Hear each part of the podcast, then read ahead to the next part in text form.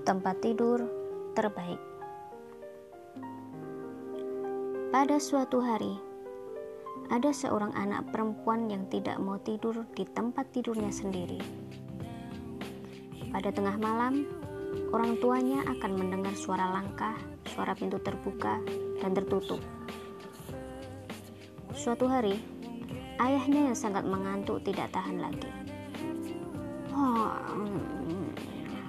tahukah kamu, ujarnya, kalau setiap makhluk hidup di dunia memiliki tempat tidurnya sendiri.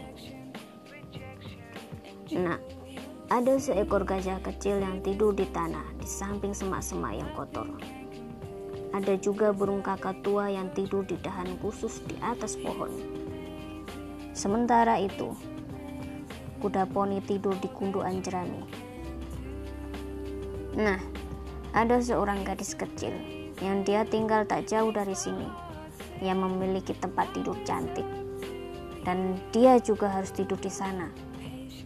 Kenapa? Tanya si gadis kecil. Karena jawab ayahnya, kalau satu orang, hanya satu orang, mulai pindah tidur di tengah malam, akan ada masalah besar.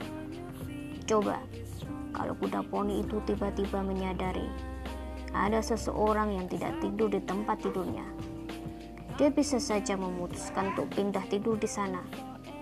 Bagaimana kalau si burung kakak tua memutuskan untuk pindah tidur di tanah di samping semak-semak kotor? Di mana bayi gajah akan tidur? Ya, sudah jelas. Dia akan tidur di dahan di atas pohon. Menurut ayah, itu kabar buruk untuk si kakak tua. Gadis kecil itu berpikir sejenak dan menganggap cerita ayahnya masuk akal. Kemudian dia kembali ke tempat tidurnya dan tidur di sana sepanjang malam.